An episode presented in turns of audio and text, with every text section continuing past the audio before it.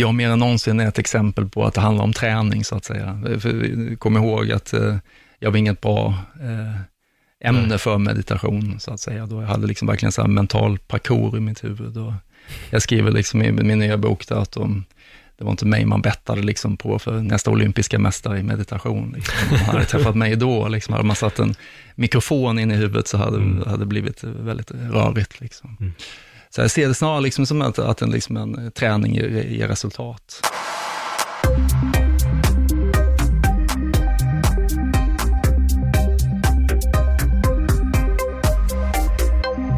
Magnus Frid, välkommen till Öppet sinne. Tack så mycket. Jag har liksom väntat på att eh, få någon till podden som jag verkligen kan sitta och diskutera meditation och avslappning med. Ja, nu är du här. Tack så jättemycket. Tack för att jag får komma hit och prata om eh, detta ämne. Ja, ja men det är jättekul. Du har skrivit en bok som finns ute i butik just nu, som heter Viloläge, och du har skrivit en bok till som släpps i september. Vad hette bok två? Bok två heter Att vara stilla när allt skyndar och den släpps i september. Mm. Och jag har fått äran att läsa lite av den boken och jag har läst cirka 20 sidor. Jag tycker att den är bra och bra skriven som jag sa, så jag gillar hur du smider orden i den där boken. Det är väldigt eh, vackert och i vissa instanser så är det ganska poetiska texter som kommer fram. Så Tack så mycket. Stor tumme måste jag säga. Jättekul att höra, det som jag sa till dig innan, att man, man är så djupt inne i det här arbetet eh, och jag, jag lämnade jag lämnade in de slut, slutgiltiga raderna för en vecka sedan tror jag, så man mm. har väldigt lite distans. Så jag blir jätteglad av att höra att, mm. att det är okej. Okay. ja, men kul. Hur lång tid tog det att skriva den här? Eh, jag tror jag började skriva de första eh, styckena precis i, för ett år sedan ungefär. Mm. Och sen så kontinuerligt skrivit fram till eh första april och sen har, vi, har det mer handlat om efterarbetningar och eh, editeringar och så, redaktionellt. Det är en längre process än vad folk tror. Folk tror att man skriver en bok, lämnar in den och sen går den på tryck. Men det... Så är det ju, så är det ju verkligen. Mm. Så är det väl med allt, liksom håller man på med musik, vilket jag har en bakgrund i också, så tror jag också många att det, man trycker på en knapp så kommer musiken. Så, men det, det, det, det, är mycket arbete bakom allt i min erfarenhet. Ja, verkligen. Ja, vad man än sysslar med. Men en fråga här, hur började, hur, hur kom det sig att du började med meditation och viloläge? Eh, ja, men det finns en väldigt tydlig historia till det. Det var eh, så här, jag ska försöka hålla den hyfsat kort i alla fall. Eh, min, min eh, mamma eh, blev eh, SOS barnbyar-fadder eh, när jag var eh, liten och det, det råkade vara en eh, pojke från Tibet som då bodde i exil i Indien. Och eh, likt många eh, tibetaner, de flydde ju 1959, eh, eh backa lite där, 1950 blev Kina och eh, Tibet ockuperat av Kina. Och 1959 flydde Dalai Lama. Och väldigt många tibetaner från Tibet för att bosätta sig i, i settlements i Nepal och Indien framför allt, som öppnade famnen för dem. Och ehm, eh, eh, min mamma var en väldigt aktiv fadder, så hon blev eh, la väldigt mycket tid på att engagera sig i hans eh, uppväxt och skolgång och hon blev väldigt nära vän med rektorn på skolan. Skolan, han eh, besökte oss i Sverige vid något tillfälle eh, när han hade anledning att vara i Europa på något möte eller någonting då. Och sen så, när jag växte upp så eh, blev både jag och min syster liksom brevvänner med vår eh, fadderbror då. Och vi har också ett bra sätt att träna engelska när jag var liten då. Och sen så, jag, jag kommer liksom inte riktigt, riktigt ihåg det, men jag kommer ihåg att liksom vi fick, eh, han, han skickade presenter och någon gång så fick vi eh, en bok av Dalai Lama, självklart då. Eh, och längst bak i den boken så fanns instruktioner för hur man mediterar. Och, och, och av någon orsak så växt, väcktes mitt intresse. Just då tror jag inte jag förstod det mer än att jag var intresserad av, jag blev intresserad av kulturen, jag blev intresserad av eh, Eh, hela den här eh, eh, vad ska man säga, mytologin runt Dalai Lama och, och den tibetanska kulturen. Men i efterhand så kan jag väl mer förstå att orsaken att jag blev intresserad av meditation var nog att jag är född ganska rastlös. Och jag är född med ett ganska kort koncentrationsspann och jag tillhör verkligen de i skolan som pratade för mycket, hade svårt att hålla mig till en uppgift och eh, hade generellt sett rätt svårt att vara stilla, så att säga. Så att när jag provade meditation första gången så upplevde jag att alla, alla de här egenskaperna som rastlöshet och eh, oro eh, och dysfunktionalitet runt eh, koncentration ersattes med något annat, helt enkelt. Och det var ju en otrolig eh, när jag upplevde det. Jag kanske var 17 år, eller 16-17 år, något sånt där. Va? Och det blev ju eh, en, eh, liksom, nästan som liksom man upplevde någon trollkraft av någonting, för jag hade aldrig upplevt det tidigare på det sättet. Och det blev ett givet startskott liksom för att experimentera vidare med, med den här nya, nya nyupptäckten. Då. Och sen så i den här vevan också så bjöd eh, min familj hem Karma, som min fadderbror heter, då, till vårt hem och han bodde hos oss i ett par, tre månader. Ehm, och då blev vi väldigt nära vänner och han introducerade mig i tibetansk buddhism, tibetansk kultur och i tibetanska språket också såklart. Och det var liksom som ett startskott för att jag började resa fram och tillbaka till Indien och Nepal, där han bodde under den tiden. Och jag började även sen styra alla mina akademiska studier mot det hållet, så att säga. Då. Jag läste litteraturvetenskap och då skrev jag en uppsats om en tibetansk poet och jag pluggade religionshistoria och då ganska snabbt så lade jag till tibetanska språket på indologiska institutionen här och sanskrit. Och jag tror att jag liksom hade någon, närde någon dröm att, om att kanske forska i buddhism eller så. Mm. Men eh, Sen kom andra saker i livet emellan. Så ungefär i korthet så var det så. Ja, det är en häftig historia Det är inte alla som får meditation direkt egentligen via Tibet på det sättet som du fick. Nej, det var inget jag tänkte på då så värst mycket, men nu efteråt kan jag känna att, den är, att, det, att det är en, en, en fint mm. samband, eller vad man ska säga, en fin introduktion. När du säger att du har varit, jag antar att du har varit i Tibet också när du åkte en del till Nepal? Jag har inte varit i Tibet, jag har varit i, i, Indien och jag har varit i Nepal, eh, men eh, av två skäl har jag inte åkt till Tibet. Dels så blev jag väldigt höjdsjuk en gång i Indien eh, och eh, för det andra så är ju Tibet ockuperat också mm. av Kina, vilket kanske har eh, ganska dramatiskt minskat mitt intresse av att åka dit. Såklart. Också. Såklart. När du började med meditation, vad var det för typ av meditation som du började med? De instruktioner som fanns i den boken, de var väldigt, väldigt spartanska. Jag upplevde generellt sett att de instruktioner som, jag, som fanns på den tiden i böcker var inte så ordrika. Det fanns inte det här systemet med guidade meditationer som det finns nu i alla möjliga former. Utan det var nästan i punktform, liksom att eh, eh jag kommer ihåg att det var någon meditation, du skulle följa andetaget och sen var det någon mer reflekterande meditation där du skulle liksom reflektera över ditt liv i stort och, och vad som skapar liksom positiva mönster och vad som skapar mindre positiva mönster och försöka uppnå en, en eh, närvaro runt ett medvetet val, att välja det som är mer positivt. Mm. Helt enkelt. Det känns som att det är de besluten som vi dras med hela tiden och sen ändå så lägger vi fokus på det negativa. Så är det ju, så tycks det ju vara, även om vi tror att vi kanske väljer det positiva när vi gör valet. Mm. Jag tänkte sen när du bytte det. Jag antar att du måste experimentera ganska mycket med, med meditation under åren, eftersom att du ändå skrivit böcker om, om ämnet. Mm. Eh, finns det någon meditationsform som för dig har funkat liksom, bättre än de andra? Alltså det låter ju hemskt att säga, så jag vet inte vad, jag är för typ av människa, men jag har, jag har gjort väldigt mycket samma meditationer. Mm. Så, utan jag har ju blivit väldigt tagen av de, eh, det uttrycket meditation hade i, i den tibetanska buddhismen. Det finns väldigt mycket visualiseringstekniker och mycket mantra-recitationer som jag tyckte väldigt mycket om. Så att jag har gjort det väldigt mycket och jag har inte sökt så mycket, kanske så speciella upplevelser på det sättet, utan jag har känt liksom att det har hjälpt mig i mitt vardagliga liv. Mm. Um, så att uh, jag, har, jag har inte så, så supermycket erfarenhet av massa olika former, men, men, men de jag har gjort fungerar. Sen tror jag liksom väldigt mycket att um, Eh,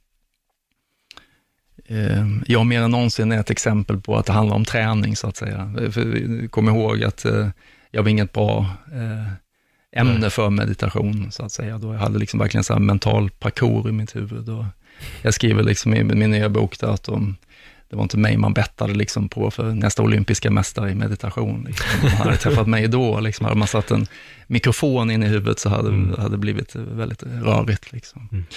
Så jag ser det snarare liksom som att, att en, liksom en träning ger, ger resultat, Just det. helt enkelt. Vilken form är det som du, eh, du har gjort mest? Jag tänkte du nämnde några här. Ja, i den tibetanska buddhismen så brukar man dela upp det på um, två delar. Man, man gör en meditation som heter stabiliserande, en, eh, den kallas för shamatha eller chinne eh, på tibetanska. Eh, man kan kalla det, chi betyder någon som är stilla och ne betyder att vara kvar i någonting, så stanna i stillhet helt enkelt. Det är ganska likt eh, det som man pratar om i moderna mindfulness-världen. Man tränar upp liksom att hålla eh, sitt, eh, sin närvaro på ett objekt, eller flytta från ett objekt till eh, flera över en ihållande tid, kan man säga. Då. Så man ersätter liksom tankevandrandet med en närvaro, helt enkelt, utan att utesluta tankarna. När man blir lite mer eh, bekant med det, så kan man gå över och göra något som man i, i eh, tibetanska buddhismen kallar då för eh, laktong eller vipassana. Eh, och det är en mer analytisk form meditation, där man som jag sa tidigare, då man mer reflekterar. Mm. Exempelvis kan det vara meditationer på medkänsla, tacksamhet, hur du hanterar bekymmersamma känslor. Och sen kan det gå hur långt som helst. Det kan gå, du mediterar på döden, eller sådana mm. saker. För det var något jag upptäckte själv när jag började meditera. Det var ju att mm. tankarna for och far verkligen bara. Mm. Tuk, tuk, tuk, Men desto mer jag mediterade så vart det, precis det du säger, man gick från en mm till en annan. Det lugnade ner sig och började bli lugnare och lugnare. Men jag tror att, det här har jag tagit upp tidigare i min podd också, att jag tror att det största missförståndet med folk som ska prova att meditera, det är att de säger, det blir, det blir inte tyst. Nej, och du kommer inte kunna köra bil heller första gången du sätter nyckeln i den om du inte har övat. Precis så. Mm. Och, och då blir frågan, strävar du efter att uppnå tystnad eller är det en, kanske, inte skröna, men en, en tro, feltro som folk har om meditation kanske? Jag tänker liksom att, eh, vad är liksom tystnad? Det finns en tystnad som vi kan mäta med decibel. Liksom då. Den, mm. Och den kan ju liksom också bedömas liksom som behaglig tystnad eller obehaglig tystnad. Många gånger tänker man att naturen är tyst. Men det är, ju, det är den ju inte oftast. Det räcker att du får en vindpuss på kinden eller att eh, eh du hör en eh, vågor eller någonting. Så det är ju ganska hög volym då, men det, det är inte, det är liksom en, en, eh, ljud som vi trivs med då, som ger en, en god resonans i kroppen. Mm. Så när man, tyst, när man liksom tystar, när man, om vi säger att vi flyttar oss, nu sitter vi i ett tyst rum, då, då skulle vi kunna släcka den eh, ljudmattan så att säga, så att vi har en lägre decibel. Då. Och då upplever många att liksom, det kommer någonting som är mycket obehagligare, för att då kommer en eh, man märka att det var inte tyst in i huvudet, så att säga. Då. Och då kommer det här som du, du eh, tankarna flyttar sig i, hit och dit. I, en väldigt eh, kär metafor för buddister att man pratar om monkey mind, man har som en apa som hoppar. Det är som att man har, eh, varje sinne är ett fönster i, i sitt huvud. Och man har en apa som man försöker tala om att sitt, sitt stilla på golvet och gör ingenting. Men apan hela tiden flyttar sig upp och så vill han titta ut genom fönstret och få li, lite mer, vill ha lite mer av någonting. Liksom. Så hela tiden så får man tala om att gå tillbaka och sätta dig. Då. Många upplever liksom tystnad, den eh, vad ska man säga, avsaknaden av decibel som väldigt obehaglig. För att för första gången någonsin kanske förstår man, man hör vad det är för röster som kommer inifrån. Och kanske är det så att man undvikit den för att eh, man har eh, skylt över den så att säga med, med ljud utifrån eller med att, eh, ständig stimuli, eller vad det kan vara för någonting. Mm. Så det första steget är att du upplever att sinnet inte är särskilt tyst. Men när du låter tankarna, liksom, när du eh, med mindfulness då liksom tittar på tankarna och förstår mekanismen, som jag upplever i alla fall är densamma för alla tankar, det är att en tanke eh, tar form, den kommer fram från ingenstans, som en våg liksom, som kommer ut från havets djup upp. Och sen så stannar den kvar en liten stund, tanken då. Och, och du, du har ett val, upplever jag, liksom, att du kan associera med den och du kan på, liksom, haka på den, så att säga, haka i den, liksom, med minnen, med, med förväntningar och så vidare. Då. Um, och, och, då stannar den kvar längre då. Men om du bara ser den så är mekanismen att den försvinner bort. Precis mm. som att en våg då åker ut från stranden ner i havet igen. Och man vet aldrig var den tog vägen, så att säga. Då. Och, och, när du inte eh, deltar i den processen, då upplever jag att det blir väldigt tyst. Då är det liksom mer som att eh, eh, du står liksom stadigt på en klippa och så kan du uppleva att saker kommer och går, liksom, men de gör väldigt lite väsen av sig. Kan du relatera? Ja, 100 procent. Ja, ja, det är en klockren eh, beskrivelse. För jag känner också lite det som du nämnde med stimuli, det är vi är så påverkade av allting idag. Jag menar mobilerna är jättebra och eh, totalt skit rent ut sagt, mm. för att vi fastnar mm. i det här konstanta bruset. Mm. Vi har alltid tillgång till musik eller vad den må vara, eller sitta och mm. scrolla genom Instagram eller läsa nyheter. Vi, jag menar, förr backar vi banden 20 år man satte sig på tunnelbanan om man inte hade en Walkman. Då satt man tyst, läste en bok eller en tidning. Eller så tittade man rakt fram till man skulle mm. komma fram till stationen. Men nu istället på de här lugna tiderna som vi då fick naturligt, väljer vi istället att fylla det med skräp. Och jag tror mm. nog att vi är så jävla benägna att fastna i det här scrollandet, vilket jag själv gör. Jag får påminna mig själv att nej, ta bort telefonen, läs det som är viktigt, men försök att inte bara fastna i det här snurret mm. av att snurra på grejer. Så ibland när jag sätter mig i tunnelbanan, för att ändå stänga av lite brus så gillar jag ändå att ha någon form av lugn musik. Mm. Bara för att stänga ner de här jobbiga oljuden och där mm. försöka gå in i ett litet mm. lugn. Uh, men nej, jag, jag, jag, tycker det var superbra. Det är väl lite min egen upplevelse också. Mm. Och det där är ju liksom, tänker jag också liksom att eh, där kan ju mindfulness få en annan definition också, precis det du beskriver tycker jag. Att vara vaksam, liksom, vara närvarande, att inte ryckas med i detta. Mm. Liksom. Det kanske är mindfulness god som någon. Att inte bara liksom att sitta ner och göra ingenting, foka på någonting. Ibland kan mindfulness få en lite märklig definition där tycker jag, men jag tänker precis det du, du beskriver nu, så kan det vara att vara mindful, att inte ryckas med i smart beteendedesign och smarta digitala lösningar som har lagt allt sitt krut på att få oss att göra just det du beskriver. Mm. Och att vara vaksamma att, att eh, det, det, är inte, eh, det är inte ni som bestämmer vad jag ska göra nu, utan det är jag som tar ett aktivt beslut att inte göra det. Eller så tar du beslut att du vill göra det och njuter av det, men då är det mm. också ett närvarande beslut. För vi tycker om dem också. Ja. Eh, men, men problemet är ju, det fanns ju den här, vad heter den här rörelsen, Time Well Spent heter den. Mm. Jag tror de, det finns en app som heter Moment, som säkert alla haft i sin telefon, som mäter hur aktiv du är. Just det, telefonen. skärmtiden. Precis.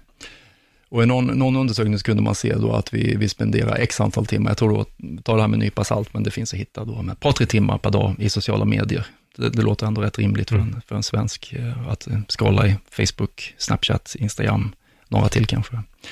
Det tycker inte jag är så märkvärdigt. Men det som hände därefter var att man kunde se i moments när man skalade eh, hur glad man var, eller hur nöjd man var över det faktum att man hade valt själv att göra det. Då var över hälften missnöjda med hur man spenderade sin tid. Mm. Och då tänker jag att det är ju då, då har man inte valt eh, med eh, närvaro eller med mindfulness, att säga. Liksom. Du har valt ett beslut som inte gynnar dig själv, eh, utan du har valt Ja, inte vet jag. Du kanske bara har helt enkelt blivit bortdribblad av, av någons annans smarthet. Liksom. ja, men det är, det är lite det man blir. Ja, Dopamin, eller liksom, de, de vet hur han hanterar det där. Liksom. Men det är det. Det är väl dopaminet som triggas av att vi går in mm. på sociala medierna och börjar leta och titta och, och scrolla och, och, allt vad det nu är. Och det är också det med förväntning. En förväntning är oftast Eh, Eh, den ställer ju till det för oss. Liksom. Det pratar man mycket om i buddhismen, liksom, att ehm, eh, det är liksom, om vi säger att du liksom, kanske lägger ut någonting i sociala medier, så det, det, bästa, det händer nog precis när du gör det, innan du liksom vet hur mycket kickback du får, liksom, eller mycket feedback du får. Då. Och därför, jag vet inte om detta är sant, men jag har hört att man fördröjer saker, därför att hålla dig i det, eh, den förhöjda känslan så länge som möjligt. För att, då är, ja, att algoritmerna gör det. Ja, för jag då, är chans, då är chansen större mm. att du kommer tillbaka. Liksom. Ja. Och det, det, går ju igen i livet också. Och liksom buddhismen pratar mycket om det här, liksom att det är liksom vårt problem, att vi, hur många gånger, jag kan relatera i alla fall i känslan att man har, liksom, man har, man har liksom gått och längtat efter någonting och sen får du det. Och så övergår det nästan i en känsla av besvikelse, eller mm. nästan lite skam. Jag som, jag ville så gärna, liksom, jag ville ju resa hit och allt skulle bli perfekt. Och så blev det inte. Det blev okej. Okay. Ja, men då får vi boka en ny resa till, till något ännu bättre då. Ja, ja men jag, det, det, där är rätt intressant, för det, det jag rekommenderar en bok flera gånger som är Don Miguel Ruiz, Fyra grundstenar till ett bättre liv. Ja, jag känner inte till den. Men ja, den är fantastisk och, och, en av grundstenarna är att ha inga förväntningar, tror jag, just där. Mm. Ha inga förväntningar. Och det är det, det, vi gör genom livet. Jag tycker alltid att vi sätter upp de här förväntningarna på att vissa saker ska utspela sig på ett visst sätt och när de inte mm. gör det så blir vi så besvikna. Mm. Och då är vi inne på det här med resan. Man tänker att det ska, vädret ska vara så här, maten ska smaka så här bra, sen börjar små grejer gå emot mm. den förväntningen och förhoppningen vi har byggt upp. Uh, ja, stilla sinnet bara tror jag väl att man får göra innan man åker på resan. Det ska bli skönt bara och sen får resten ja, bara bli bra. Alltså det, det liksom, allt är okej okay, känner jag, mm. liksom, så länge bara, eh, liksom, summan blir god nog åt dig på något sätt. Mm. Liksom. För det är klart att man har förväntningar, liksom. det är klart att man vill längta och se fram emot och så vidare. Då. Men, men när det skälper en så finns det ju ett eh, man ska säga att eh, buddhistisk term som man inte kanske kan använda alltid, så, men det finns ju ett lidande i det, så att säga, mm. en friktion i det, mm. obekvämhet, obekvämlighet, mm. otillfredsställelse. En sak som jag gillar väldigt mycket med just, och det, jag tror att det är tibetanerna som gör det, eh, men det är väl att de målar den här bilden i sand, va? Mandala, sand, ja. ja. precis. precis mandala, och det tar väldigt lång tid att göra den. Sen när den är klar, då ska den bort, för ingenting varar för evigt.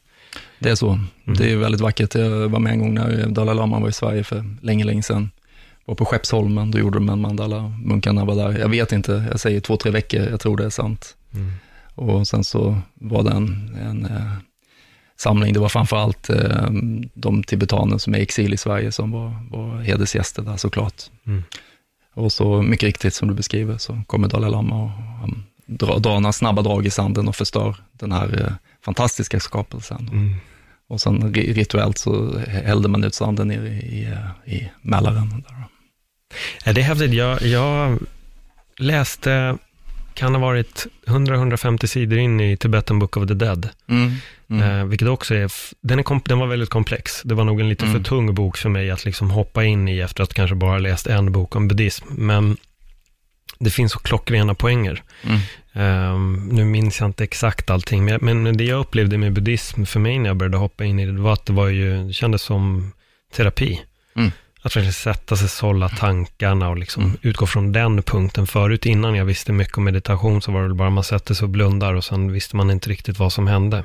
Men det finns ju en mycket, mycket djupare tanke i varför vi ska göra det. Absolut. Och det är en väldigt metodisk mm. och um jag tror, jag tror det är därför buddhismen har fått sån framgång, liksom, för att den, mm. Eh, den bara inte säger att eh, vi tror att det är på detta sättet, utan eh, du vet, det är ju eh, fyra ädla sanningarna som mm. mynnar ut. Buddha sa han, eh, han var ju en prins, Siddhartha Gautama, och trodde att livet skulle vara, han var skyddad av sina föräldrar, att leva i lyx. Och så tog han sig ut från det här slottet och, mm. och han såg en, en, en sjuk, han såg en gammal och han såg en död person. Då. Och han kände liksom att eh, det var en illusion allting och han upplevde då att livet är ju trots allt. Och hela setupen har ju en viss obekvämlighet mm. över sig då.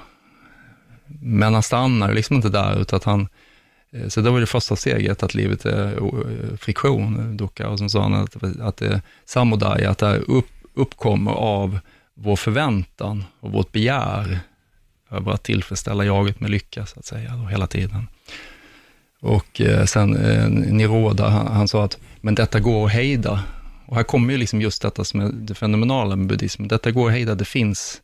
Det är nästan som en doktor som börjar liksom säga att, jag hör dig liksom och nu ska jag snart skriva ut ett recept till dig. Och sen kommer den fjärde magga, liksom, vägen. Här, varsågod, här är åtta steg som mm. du ska metodiskt eh, ta, ta dig igenom, som säger, eller använda dig av för att förhålla dig till detta.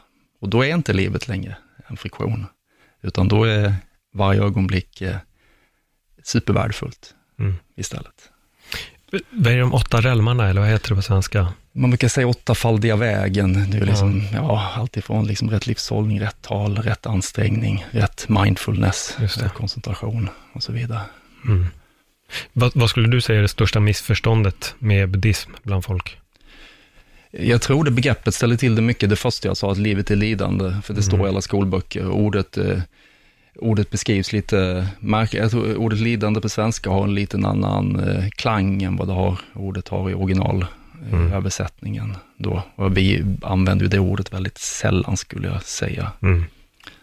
En väldigt negativ klang. Men vad jag, hur jag tolkar det är, som, han, som jag sa där, att eh, alltså, det blir ett lidande om, om, vi, om, vi, om vi hela tiden tänker att vårt eh, jag ska vara, så att säga, upphöjt i en lycka och få slippa de här sakerna, då är det ju faktiskt ett lidande, därför att vi kan inte undvika det. Vi kommer att bli sjuka, vi kommer att bli äldre vi kommer att försvinna. Liksom.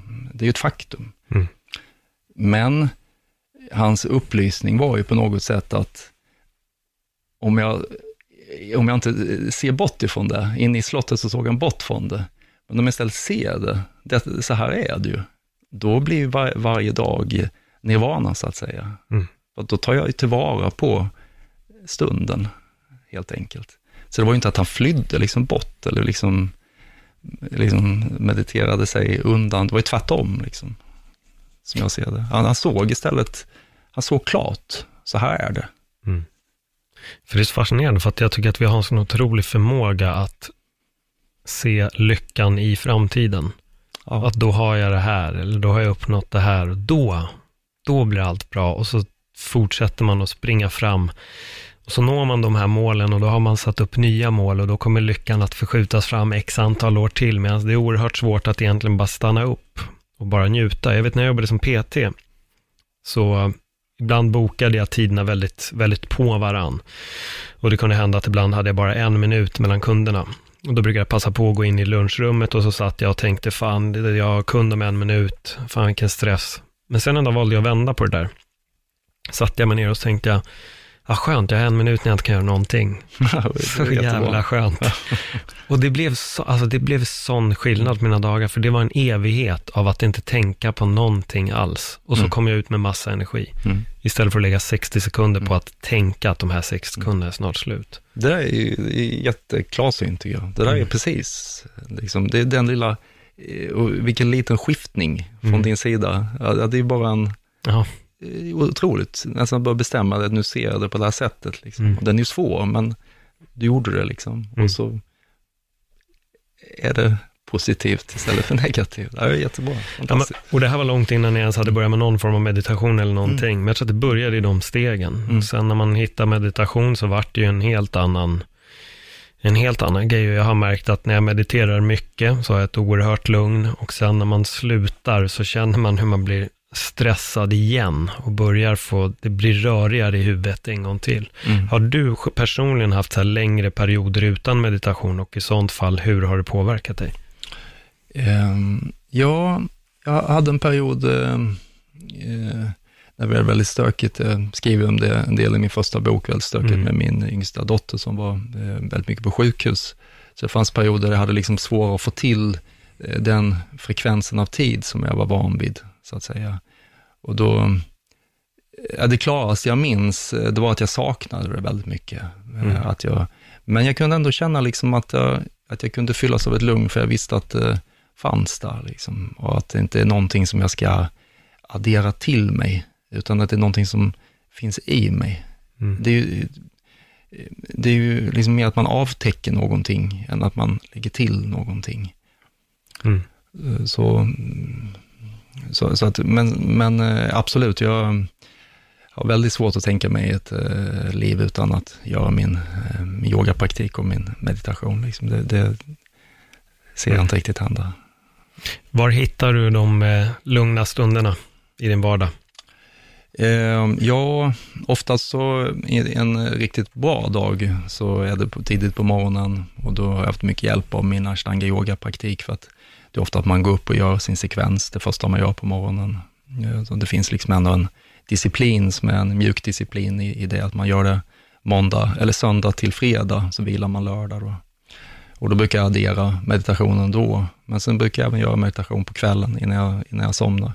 Mm. Också lite som en summering av dagen och eh, en ihopsamling. Men eh, det, det är den bästa av dagar. Sen har jag en familj och så, så ibland blir det lite mer, eh, kan det bli mitt, mitt i allt så att säga Mm. också. Då.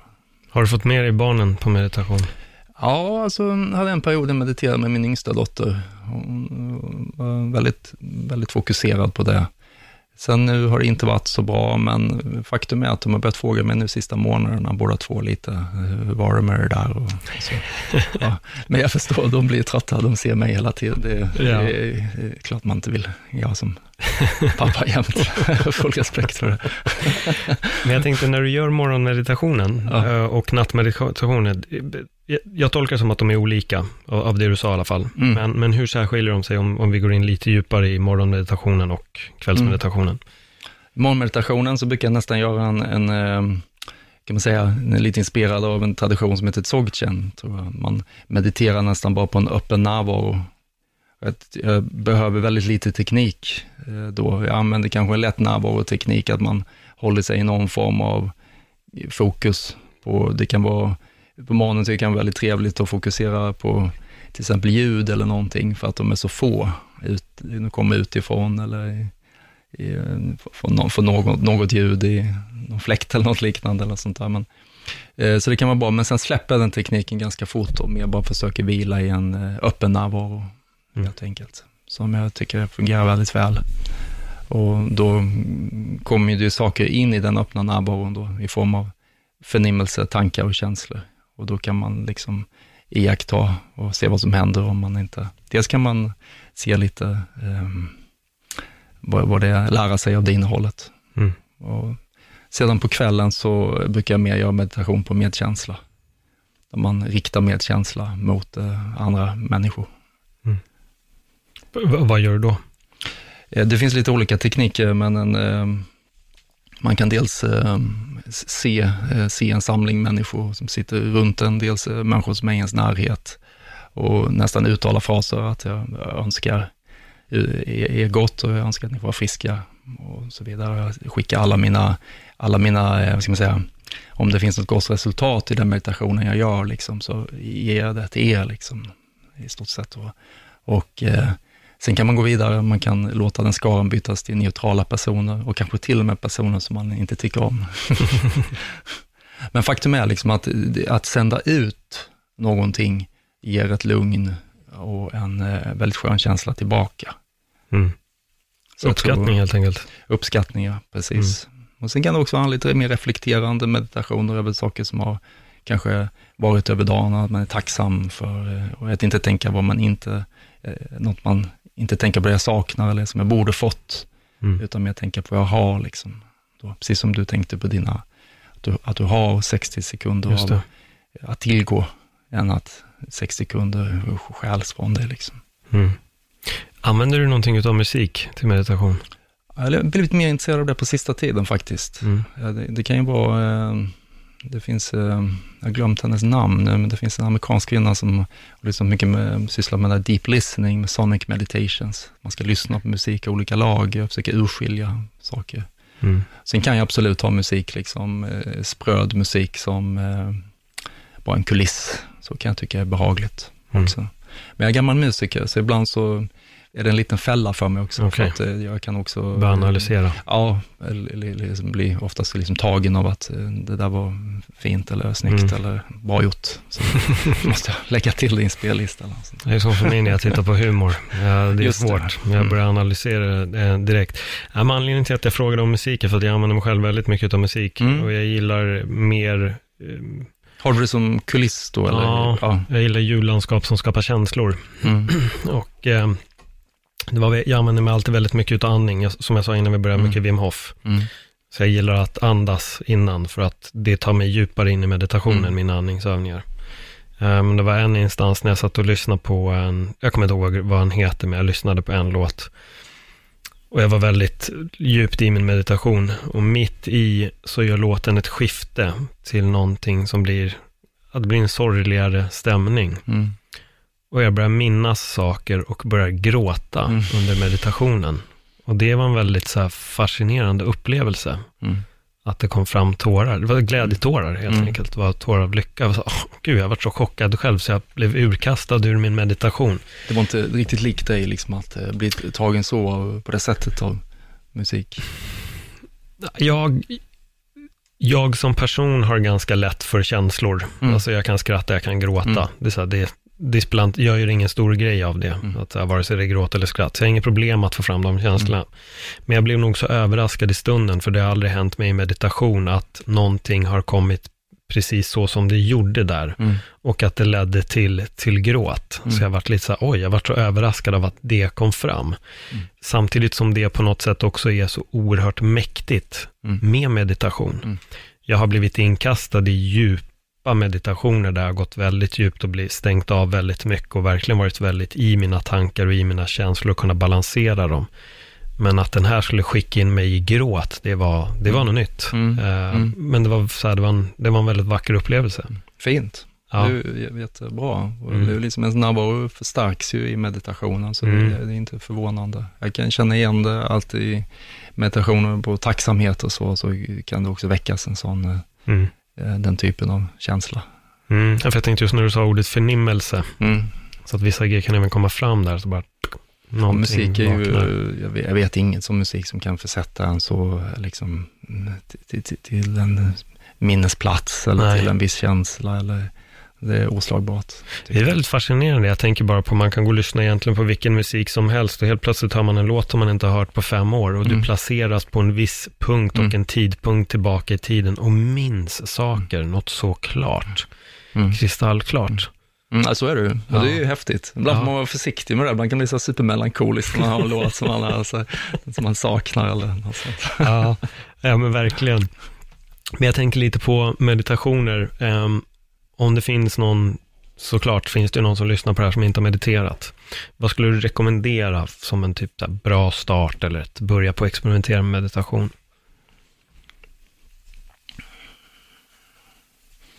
Fast jag tänker liksom att eh, det, det, man brukar säga i början att det är viktigt att eh, känna en entusiasm. Liksom då, så att man kanske tänker lite igenom på varför man vill göra det. Om det kan bara vara nyfikenhet eller att man, eller att man har, Eh, man kanske vill, nu för tiden är mycket mindfulness fokuserad på symptomreduktion, så att säga. Du kanske har mycket stress eller oro eller ångest eller så. Om det är det som är ditt varför eller om du bara vill uppleva, eh, vad ska man säga, mer en, en, en, en verkligare känsla av dig själv, en mer grundad känsla av dig själv, höra dina egna inre önskningar och så. Men jag tror den är viktig liksom ändå att, eh, att, att tänka igenom den.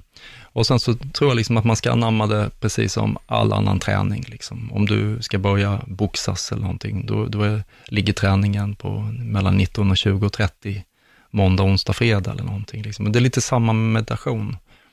Man kan känna att det är lite, liksom något missförstånd där. Folk provar en gång och så, men funkar inte på mig. Liksom. Men man går ju inte och, eh, till en pianolärare eller till en boxning eller MMA eller vad det nu är, liksom säga att en träning, jag, jag, jag kunde inte, så jag slutar liksom. Det, det blir inte så mycket gjort liksom. Och det är meditation precis likadant. Men jag tycker ändå en ganska liten insats. Så man kan luta sig lite mot forskning. Man brukar säga åtta veckor, tre, fyra gånger i veckan tror jag. 10-15 minuter. När jag skrev första boken så frågade jag jättemånga så här, som är väldigt duktiga på meditation om det här med en nybörjares tidsram och alla sa ungefär 10-15 minuter. Så det är ganska lätt. Mm. Eh, och jag tycker man ska välja några väldigt enkla övningar. Eh, det kan handla om eh, kanske kroppsscanning, någonting som liksom håller i din närvaro. Och kroppsskanning kroppsscanning är väldigt lätt för att du flyttar närvaron, du håller inte ens stilla på en plats utan flera platser. Och du kanske lyssnar, det finns på YouTube eller något sånt där, någon guidning du kan ta och hitta någon lärare som du tycker använder en, säga, ett ord, ord som du tycker om, som du kan relatera till. Då, för det kan också vara lite olika. Sånt om man ligger sig stör sig för mycket på det. Eh, och sen så följer du ditt schema, så har du liksom kanske kollat med din familj att eh, det är okej att du är, inte eh, sitter i vardagsrummet, utan att du går undan eh, en kvart, två gånger i veckan. Det är ganska lite begärt. Liksom. Och så gör du det här och sen så upprepar du det om och om igen. Och sen tror jag en viktig sak som jag brukar säga när jag undervisar är att man ser det som en, eh, en, pre, en förmeditation. De första tre, fyra minuterna, de kanske känns jättestökiga. Du kanske upplever att du kliar dig mer och du hör eh, dina inre tankar eh, ännu ljudligare än vad de brukar vara. Men det är fullt naturligt. Det är bara för att du, för att du tystar, tystar ner liksom, och stannar stilla. Och du har inte kanske varit stilla på hela dagen. Liksom. Och då eh, märker du de här förnimmelserna allt tydligare. Sen så kanske resterande fem, fem, sju minuter blir bra då. Och sen att du inte rusar upp, utan att du hela tiden liksom iakttar när du gjort färdigt meditationen, att, att nu, nu, nu, det var det här det ledde till. Liksom. Och det kanske är liksom att du, om vi säger liksom, du upplever en tydligare närvaro i kroppen och så, att du inte går tillbaka till automatiska rörelser för fort, utan du låter lite, lite det spilla över i vardagen. För det är ändå där det ska eh, ge effekt så småningom. Då. Mm. Och sen så inte skifta liksom för fort. Du kan välja liksom, testa dig fram liksom, i ett antal meditationer, du hittar några som du tycker om. Men sen upprepar du dem ett tag. Liksom. För annars blir det alltid, liksom, när du har en dålig dag, så kommer du söka fel. Liksom. Det är fel på meditationen, det är fel på läraren, det är fel på någonting. Liksom. Men mm. Eh, man måste ha lite uthållighet, lite tålamod och jämnmod mm. gentemot motgången. Jag tänkte på meditation med öppna ögon kontra stängd. Är det någonting som du har utforskat själv eller? Ja, ja men det är en bra fråga. Liksom, eh, det generella det jag ser ofta är att man sitter med slutna ögon. Men i, där jag lärde mig i tibetanska buddhismen så är det väldigt vanligt med helt öppna mm. ögon också. Och kvarts, kvartsöppna också. Så jag tycker lite individuellt, om man upplever liksom att man har svårt att förhålla sig till eh, yttre saker, att det stör, så tycker jag det är klokt att stänga ögonen. Men man ska aldrig förväxla eh, meditation med dåsighet.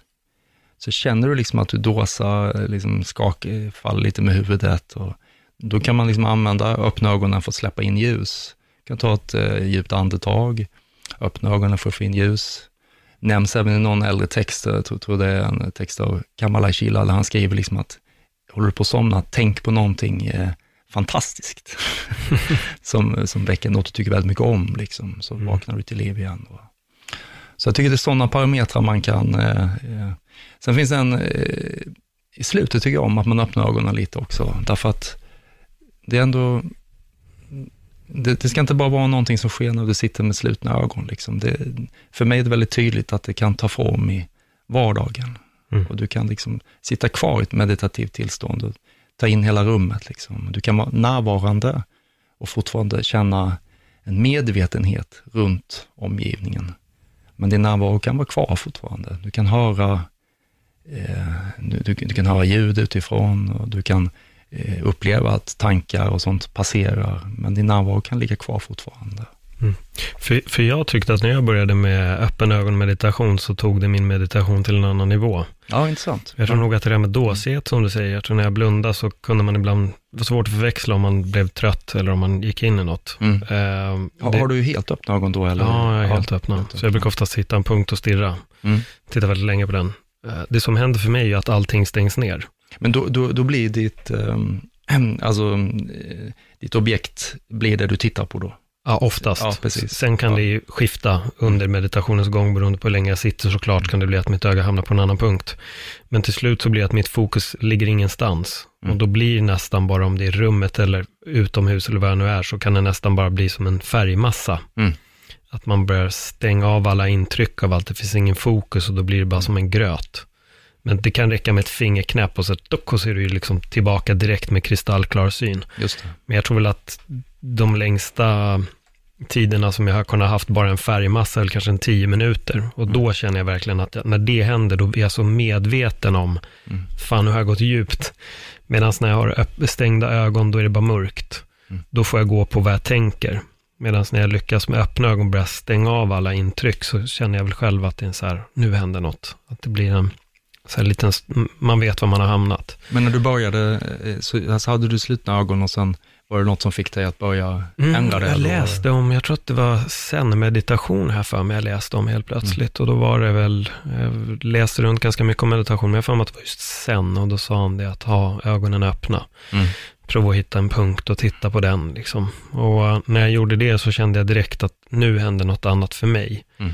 Sen är det ju precis som med alltid, meditation är superindividuellt. Vissa klarar säkert inte ens av att sitta med öppna ögon utan att sitta och stirra mm. alla mejl. För mig funkade det. Mm. Uh, och jag gillar det, men jag kan varva. Jag brukar... Och då, då, blir du inte så trött nu längre? Eller? Nej, jag tror att ibland när jag mediterade med stängda ögon så kunde det kännas som att jag landade någonstans, men ibland kunde jag också känna att jag blev, jag blev lite sömnig. Mm. Medan när jag har öppna ögon så känner jag, jag, jag förstår att det är en meditation, jag får inte den här, alltså stänga ögonen för mig är också en, en resa till sömn. Det är lite det som är själva planen. Mm. I alla fall om man ligger på mm. yoga, då, då somnar jag. Mm. Då, det går inte. Mm. Uh, men nej, men för mig, det, det hände någonting väldigt annorlunda så fort mm. jag började ha eh, vidöppna ögon. Ja, intressant. Det, jag mm. tror också på det. Jag tror att man ska eh, tillåta sig att testa lite i början. Och, um, som, men som sagt, att inte förväxla det med att, att sova eller, eller, så. För det är ju ändå en aktivitet, liksom, en klarvakenhet man vill åt. Och, mm. Finns det någonting som du har läst forskningsmässigt som har överraskat dig? Nej, inte så jättemycket faktiskt. Jag tänker liksom att jag tycker mest det är fantastiskt liksom att all den här forskningen sker och mm. så. Men jag tror alla som kanske började med meditation innan den här, de här, alla de här rapporterna kom, det känns som att man redan visste det ungefär. Mm. Liksom. Och det, jag är glad för liksom att det, Eh, det, det, kan vara liksom en dörröppnare för, för eh, många andra liksom som kanske möt, vill, vill möta meditation sekulärt mm. mer då, så tycker jag det är fantastiskt. Men, eh, men jag tycker det är intressant, många av de här, när man har genomlyst hjärnan, har ju gjorts på tibetanska munkar just. Mm. Och nästan alla vittnar om att meditation på medkänsla är det som har gett väldigt bra resultat vilket jag tycker är intressant. På vilket sätt har det gett bra, bra resultat? Ja, då, då har man väl sett eh, de här förflyttningar i vissa områden i hjärnan som stimulerar vissa saker som skapar en, en, eh, en större altruistisk förmåga och självklart liksom sänkta stressnivåer och allt det här också. Mm. Eh, men eh, vad, vad, jag, vad jag tycker om det är mest att eh, för, för mig så är meditation är väldigt förknippat med medkänsla eh, på något sätt, därför att eh, det handlar väldigt mycket om att eh, i buddhistisk meditation, att reducera jaget, säga, mer än att hålla hårt i det. Och alla, på ett väldigt vackert sätt så brukar alla buddhistiska meditationer inledas med liksom att jag gör det här liksom för, för, för mig själv, men också för alla andra, för kollektivet så att säga. Så att det är en väldigt viktig del på något sätt. Att, eh, att inte bara se det som sin egen eh, eh, upplevelse hela tiden, utan att, att det är en, en, någonting som, som faktiskt kan liksom förändra, kanske på ett större perspektiv, liksom, förändra samhället. Mm. Och jag tror liksom att det hade vissa beslut, politiska beslut, eller, eller personer som är aktiva, med aggressiva i sociala medier, hade de hållit på med meditation, liksom, så hade de, hade de inte agerat på vissa sätt. Liksom. Nej. Man har haft en förståelse liksom, för att, eh, var vissa saker kommer ifrån, så att säga, var de har sina rötter, helt enkelt. Är vi ett? Nej, jag, jag, vet, ja men jag tror så här att, jag, tror, jag tänkte lite på det där och jag läste också någon text av Simone Weil, tror hon heter. Hon skrev liksom så här att, um, att djupt inuti en människa så finns det liksom en, en, eh, en punkt som alltid liksom in i det yttersta, trots allt, om man har gjort massa dåliga saker och så vidare, förväntar sig att bli bemött med godhet. Och också finns det godhet att ge tillbaka då. Och det, och det är jag övertygad om, liksom att där är vi faktiskt lika, tror jag. Och det stämmer ju väldigt väl liksom, med den buddhistiska, liksom, man pratar om att grunden liksom, är, i en människa är liksom, eh, medkänsla, godhet och eh, i, inte ondska. Då, utan, så in i det sista är det det liksom någonstans vi alla vill ha som människor. Mm. Och sen får, kan det få alla märkliga uttryck liksom, på något sätt. Och vi tror att vi blir lyckliga av olika saker. Men just den saken finns kvar, tror jag. Mm. det tror jag verkligen. Jag tror tredje boken får heta Lyckoillusionen. Exakt. Jakten på mening skulle jag, jag gillar ordet Ja. mening bättre än lycka. Ja. Vad är lycka för dig? Lycka, som sagt, jag, lycka upplever jag dagligen liksom på många olika sätt. Liksom, när, jag, eh, I mitt arbete med min familj och så vidare. Så. Men jag har försökt sista åren rikta om det där, liksom, liksom, för jag tänker att om man eh, lägger lite mer tid på att eh, tänka vad som är ens mening, ens riktning i livet, så blir den aldrig rubbad. Men lyckan kommer alltid, en lycko, lycka har alltid en vågform.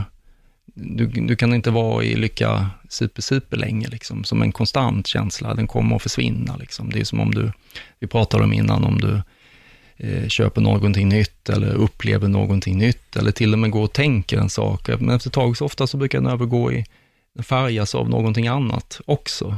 Så det är inte konstant. Men en mening däremot, den tycker mig vara mer konstant. Och att om det är min, min, eh, liksom, min mening i livet att eh, ta, ta hand om min familj, till exempel, man säger då, så, så innebär det ju såklart både lycka och mindre lycka.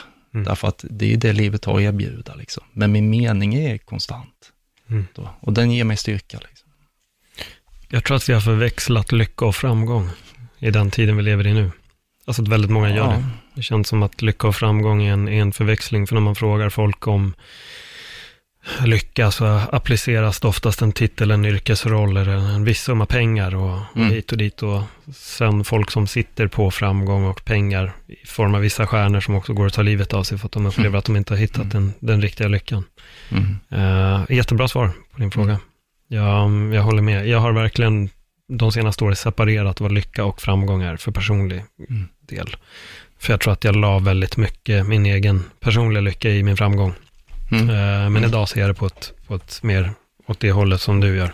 Och, och jag också. Det är inte så att jag alltid känt, jag, jag känner att jag har formulerat det mer och mer de sista Mm. fem, tio åren kanske, att jag ser på det så. För att även inom buddhism och liknande rörelser så pratar man mycket om lycka. Mm. Att det, men, men jag har lite svårt att se att, det, eh, att den går att hålla allt för länge. Liksom. Att oftast är det liksom en solkatt på en vägg. Mm. Så man, ibland lyckas man lägga handen på den liksom, och så, så känner man att den är borta igen. Liksom. Mm. Men däremot om man kan vara glad för saker och uppskatta, liksom, vara tacksam för saker. Såklart. Absolut. Eh, var hittar folk dig om de vill eh, följa dig på din resa? Finns det någon hemsida, sociala medier eller? Eh, Ja, det finns en Instagram med mitt namn, Magnus eh, underline, underscore heter det va? Frid. Eh, där finns jag och sedan har jag en hemsida som heter än så länge viloläge.se, men snart heter den nog magnusfrid.se. Eller Mm. kom, kom kanske. Ja, jag länkar till den i bion. Ja, vad fint. göra, så kan folk bara klicka in där direkt. Eh, Magnus, jag tror att det här är en av de lugnaste poddarna som jag har spelat in. Jag Okej. tror att eh, om folk, eh, vissa kanske till och med har somnat under vårt lugna samtal, annars har de sjunkit in i en skön meditativt känsla, vilket jag tycker är fantastiskt. Som jag sa innan när vi började, att det här är ett samtal som jag har velat haft eh, väldigt, väldigt länge och det är kul att äntligen ha fått, eh, fått diskutera meditation med någon. För att meditation i sig för alltid till en mycket djupare diskussion än bara meditation och det är det som är så oerhört fantastiskt med det. Det är en, meditation är inte bara att sitta och ta det lugnt en stund, det är också att upptäcka livet och du satte du skrev en sån oerhört bra grej i din bok. Det var någonting med meditation och kärlek har jag för mig. Eh, Just det, Eh. jag skrev att ibland eh, Ja, jag kan inte det ordagrant, Nej. men jag upplever att eh, ibland i ett meditativt tillstånd så Mm. upplever jag stillheten så att den känns lika eh, stark och klar som kärlek. Exakt. Och att det, det känns väldigt eh, eh, sant i den stunden. Precis. Och alla vill vi känna kärlek någonstans. Så meditera mera, tycker jag. Och har ni inte gjort det, börja. Testa idag. Det här är er första chans att prova 10-15 minuters meditation, eller hur? Max. Eh, och, och alla kan. Alla kan sätta sig i 10-15 minuter och bara stänga av. Om ni vill använda er av musik som jag gör, prova det. Annars hitta stillheten och eh, var är närvaron? Närvaron är viktig. Den är, Närvaron. den, är, den är dörren, den är den som knuppar, knuffar Mm. upp dörren till meditationen. Precis. Tack igen för ett eh, superbra samtal. Jag ska meditera ikväll, det garanterar jag. Stort tack till dig. Bra, tack så mycket. Tack. Till er som eh, ja, lyssnade och, och uppskattade podden får ni jättegärna dela den på era sociala medier. Jag vet att vi har pratat om att det är kontraproduktivt, men om ni kan sprida meditation via sociala medierna, go for it. Tack för den här gången. Hej då.